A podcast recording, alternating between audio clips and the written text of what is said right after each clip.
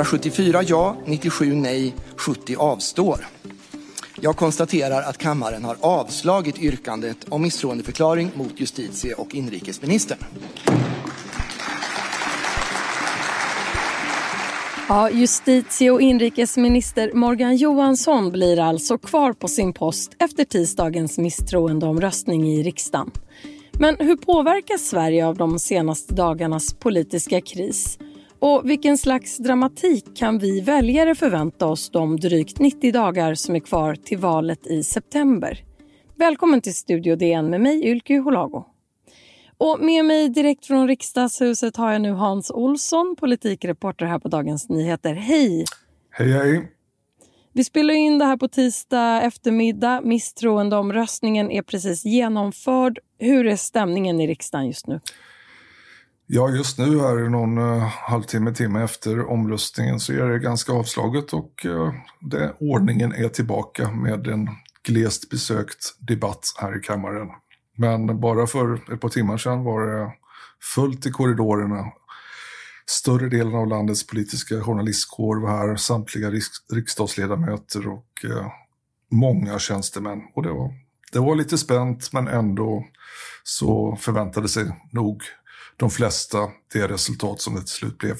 Och vi ska ju prata om vad den här dramatiken kring Morgan Johansson säger om läget i svensk politik just nu.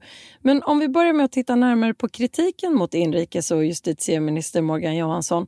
Vad handlar oppositionens irritation om? Varför har just han hamnat i fokus på det här sättet? Ja, det beror ju på två saker. Dels att han företräder ett sakpolitiskt område som oppositionen väldigt gärna vill ha fokus på, nämligen eh, brottsbekämpning och kriminalitet och dödsskjutningar och sådär. Han, han är ju högst ansvarigt statsråd för de här frågorna och, och oppositionen vill ju väldigt gärna eh, debattera de här frågorna i valrörelsen. Så, så det, det är ju en förklaring till att man riktar in sig på Morgan Johansson. Men en inte oviktig del i det hela är ju att eh, Morgan Johansson själv är ganska vass i debatten, han gör gärna eh, Twitterinlägg som retar oppositionen och eh, ja, på många sätt så är han en liten nagel i ögat på dem. Och han blev ju också prickad i konstitutionsutskottet i torsdags eh, innan det här eh, misstroendet förklarades av eh, Sverigedemokraterna. Vad, vad, var det, vad handlade det om? Det, han prickades för två, två uttalanden som eh, konstitutionsutskottet eh, kom fram till var felaktiga. Så att de, de bedömde att det var skäl nog för att pricka honom. Och det handlade om hur många som hade övergett eh, eh gängkriminaliteten i Malmö och eh, hur Sverige skulle hantera en eventuell evakuering av eh, afghanska tolkar från Kabul när det brakade loss där. Och de här senaste dagarnas dramatik, eh, det följdes ju då efter eh, KU-prickningen av att Sverigedemokraterna begärde den här misstroendeomröstningen mot Morgan Johansson och de fick med sig Moderaterna, Liberalerna och Kristdemokraterna. Vad var det som hände sen? Ge oss en kort tillbakablick över utvecklingen här.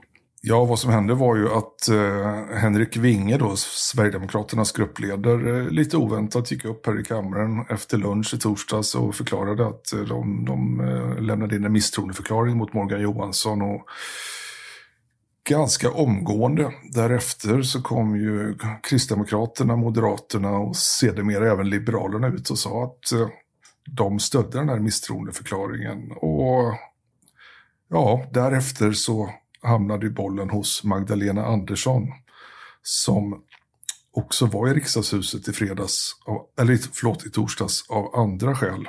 Och då, det var väl där det brakade loss på riktigt. Ja, vi ska höra statsminister Magdalena Andersson kommentera den här misstroendeförklaringen när den kom i torsdags. Vi har ett krig i vårt närområde. Vi är ett känsligt läge i den här ansökan. Att då skapa oreda på det här sättet jag kan inte påminna mig om ett liknande oansvarigt agerande från en opposition i närtid. Ja, Hans statsministern hotade också med att hon avgår om Morgan Johansson då skulle röstas eh, bort.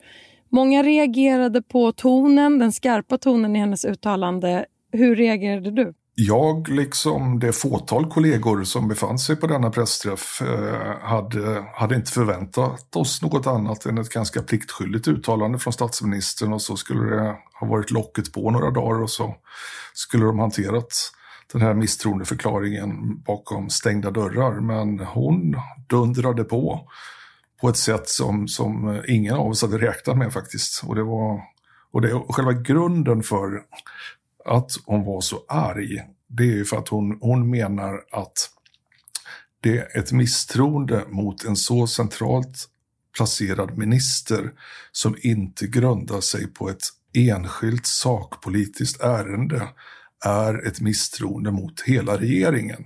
Och därför är det i ett sånt läge, finns det bara en sak att göra, nämligen att regeringen avgår. Och det sammanfaller då med att Sverige har en eh, lite komplicerad NATO-process att hantera parallellt med detta. Det var därför hon var så arg. Och sen meddelade ju Centerledaren Annie Lööf att hennes parti eh, inte tänkte stödja det här misstroendet och istället så riktades fokus mot den politiska vilden riksdagsledamot Amineh Kakabaveh som ju sitter på den 175 och avgörande rösten. För det är väldigt svårt att få en majoritet i riksdagen som det politiska läget ser ut och mandatfördelningen. Och genom Amineh Kakabavehs roll i det hela så vävdes utrikespolitik och Sveriges NATO-ansökan också in i den här processen kring Morgan Johansson. Hur då? Ja, det är ju genom, genom eh, ett, en tidigare uppgörelse som regeringen har gjort med Amineh Kakabaveh, nämligen då när Magdalena Andersson skulle tillträda här före jul. Då eh, hotade Amineh Kakabaveh med att stoppa, den, att, eh, stoppa henne i statsministeromröstningen. Men Socialdemokraterna kom överens med henne om ett avtal som bland annat skulle stärka kurdernas rättigheter det, det, är många, det är en del komplicerade turer i det här, men, men det, det är ändå själva grunden.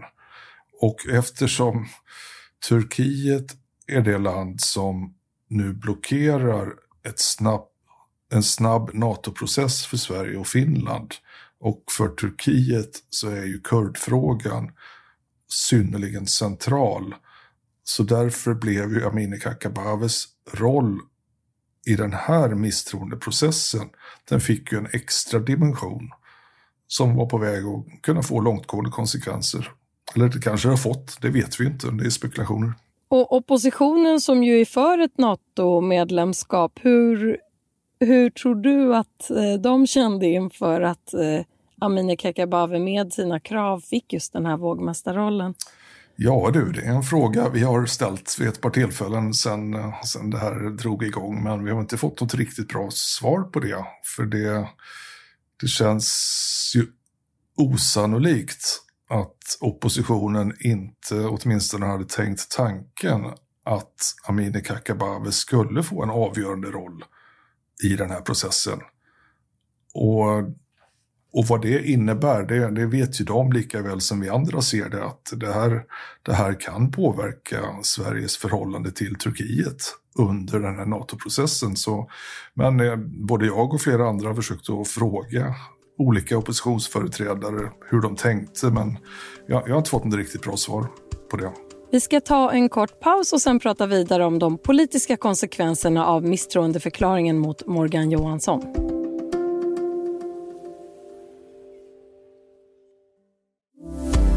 Du lyssnar på Studio DN som idag gästas av Dagens Nyheters politikreporter Hans Olsson. Och den här misstroendeomröstningen är nu alltså genomförd och det slutade med att Morgan Johansson sitter kvar med minsta möjliga marginal och där handlar det alltså om Amineh Kakabavehs eh, röst.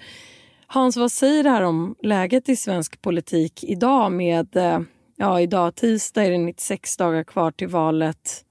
Imorgon onsdag när vi släpper avsnittet 95 dagar.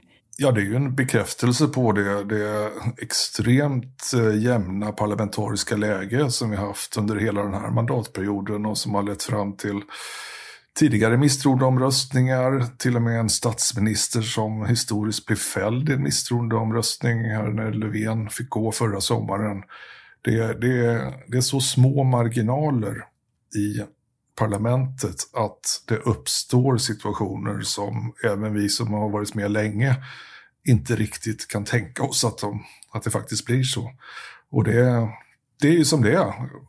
Vi har, vi har en eh, representativ demokrati och eh, de röster som läggs på valdagen omvandlas till mandat här i riksdagen och sen är det upp till partierna här att försöka komma överens om en fördelning som gör att det går att styra landet. Och det kan vi nog sammanfatta det som att det har gått sådär stundtals.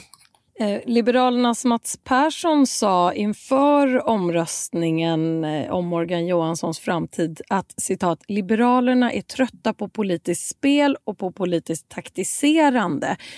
Och i det ögonblicket så hade kameran vänts mot Magdalena Andersson och Morgan Johansson och jag såg hur de höjde på ögonbrynen och tittade på varandra och log eventuellt lite ironiskt. Just den här anklagelsen om att bedriva ett politiskt spel har ju slungats mot motståndare från olika håll i den här debatten. Men i vilken utsträckning skulle du säga att det handlar om just ett spel? Jo, men det är klart att det här är mycket ett politiskt spel. Men, men det, det, ska man ju då understryka att det, det är det ju även från Magdalena Anderssons håll. Jag menar, det, hon, hon satte ju någonting på spel genom att eh, hota med att avgå. Men eh, det är klart att det spelet hade ju inte dragit igång om det inte vore så att eh, oppositionen hade tryckt på den här misstroendeknappen. Det, och det, ja, alltså misstroendeinstrumentet är ju speciellt. Det är ju riksdagens rätt att avsätta en minister som har begått ett allvarligt misstag. Alltså att rikta misstroende mot den. Men tidigare så har ju i de allra flesta fall, om inte alla, grund, har det grundats på en enskild händelse. En fråga liksom, som, ja, om Transportstyrelsen eller vad det nu kan vara. Men i det här fallet så var det ju huvudargumentet att den allmänna politiken är dålig, så därför avsätter vi, vill vi avsätta ministern. Så, så det är klart att det går inte att komma ifrån att det finns ett politiskt spel bakom den här misstroendeförklaringen som, nu, som det nu har röstats om idag. Och Magdalena Andersson, hon spelade ju bollen tillbaka kan man säga. Och hur villiga har Moderaterna, och Kristdemokraterna och Liberalerna varit eh, inför att stödja det här misstroendet? Ja, direkt i torsdags var de väldigt villiga. Det tog inte, många, det tog inte lång tid innan, innan eh, de var ute och, och, och talade om att de absolut står bakom det här misstroendet eftersom Morgan Johansson är en så sällsynt usel minister så var ju det, var ju det en självklarhet, ansåg de. Men lyssnar man idag så hör man eh, både Liberalerna och Kristdemokraterna har ju varit ute och sagt att de inte ville ha det här misstroendet, men att de inte kunde säga nej när, eh, när det väl låg på bordet. Socialdemokraternas eh, Mikael Damberg sa till journalister innan han gick in i plenisalen att det här, eh, det här betyder att det är SD som i själva verket styr oppositionens strategier och politik just nu. Vad, vad säger du om det? Hur, vad kan vi dra för slutsatser? Ja, vi vet ju inte riktigt vad som har hänt eh, bakom, bakom kulisserna och hur synkade SD har varit med eh, Kristdemokraterna och Moderaterna i den här frågan. Det, det, det kanske vi får reda på här framöver. Eh, så om det, var, om det var så att de agerade torped åt de andra eller att de tog ett helt eget initiativ i den här misstroendefrågan, det, det vågar inte jag svara på. Men det, det, är klart att eh, för, särskilt för Moderaterna som är det ledande oppositionspartiet så, så det är inte alltid jättebra att, att vara den, den som hakar på någon annan och inte vara den som själv driver processen framåt. Så vi får se hur det här tas emot av väljarna. Om vi ska försöka summera läget, vad har de olika falangerna vunnit respektive förlorat i den här processen? Ja, att alla på något sätt är, är förlorare i den här processen, det tror jag är det enda vi kan vara ganska säkra på. Varför då? Därför att det har ju satt fingret på en eh, icke, eh, eh, eller en, en dysfunktionell parlamentarism som eh, inte riktigt klarar av att eh, hålla sams ens när det gäller riktigt stora frågor. Så det, det, det tror jag tyvärr att det, det, är ett intryck som, som ganska många har fått. Sen när det gäller res, respektive sida, vad, vad de har tjänat eller förlorat på det här så tror jag det är för tidigt att säga. Men jag, jag tänker att, att, just det här att eh, både liberaler och eh, kristdemokrater idag försöker eh, få ut en historieskrivning som mycket väl kan vara sann, men eh, de är i alla fall noga med att påpeka den att de var, var, egentligen inte var för den här misstroendeomröstningen. Det kan vara ett tecken på att de ser att den här frågan inte har landat så väl ens bland de egna väljarna. Det kan vara så. Och hur tror du att eh, det här kommer påverka debatten kring politiska eh, vildar utifrån Amineh Kakabavehs maktposition som just enskild politisk vilde med den här vågmästarrollen? Jag tror säkert att det blir en uh, motiverad debatt kring, kring eh, politiska vildars ställning. Men alltså, politiska vildar har vi ju haft en, alltid, höll jag på att säga, men det, det är varje mandatperiod så brukar det bli eh, någon eller några vildar. Men i ett annat parlamentariskt läge så stör ju inte de den dagliga verksamheten för då är marginalerna mellan de olika eh, politiska alternativen större. Så en röst hit eller dit, det betyder ju ingenting. Men eh, det, är, det är bara i det här exceptionella fallet där faktiskt en röst kan avgöra allting. Då, då blir ju den politiska vildens roll exceptionell. Och det, inte vet jag, om någon vill, eh, vill göra något för att eh, ta ifrån den politiska vilden sitt mandat eller hur man ska lösa det här. Det, jag har inte hört någonting sådant, men det, det är inte alls omöjligt att det, det, kan komma upp någon diskussion om det i alla fall. Sen vad det blir, det, det återstår att se. Vi ska börja avrunda här. Hur stor är risken för ytterligare misstroendeomröstningar den tiden som är kvar till valet?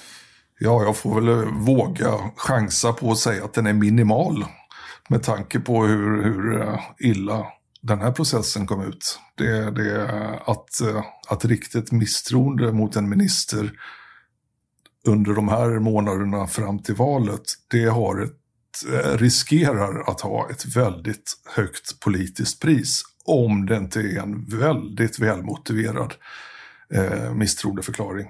Men den här typen av mer generella misstroenden. Ja, jag, jag, jag, jag skulle bli väldigt förvånad om det kommer något ytterligare sådant initiativ före valdagen. Ja, och flera som tog ordet i riksdagen före den här misstroendeomröstningen eh, på tisdagen pekade på hur den här situationen påverkar väljarnas förtroende för politiken. Vilka konsekvenser tror du att det får för väljarnas förtroende?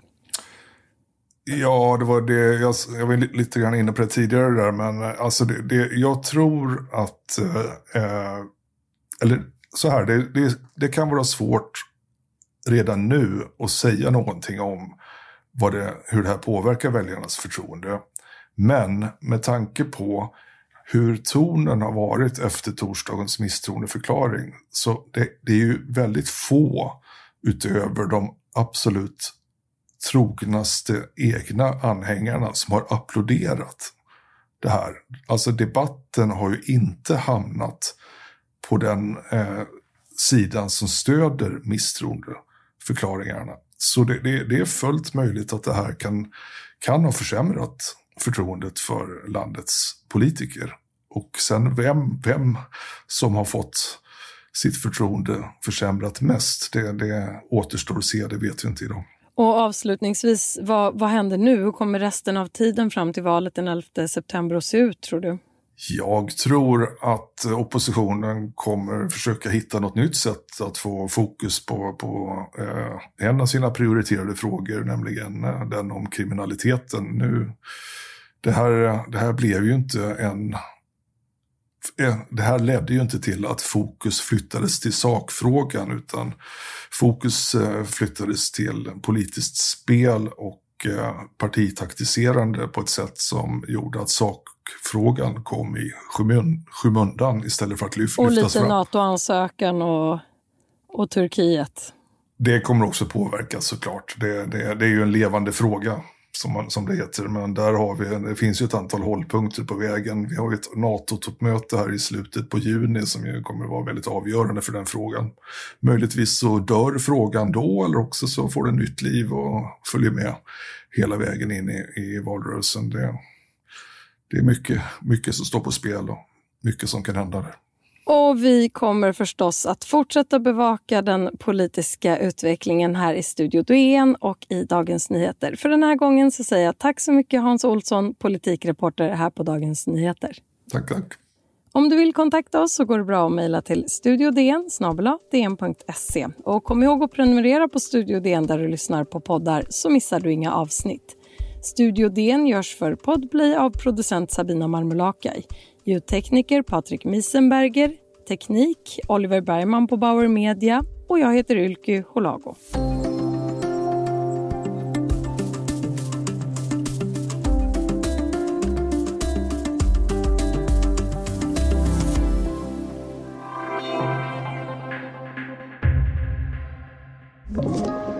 Podplay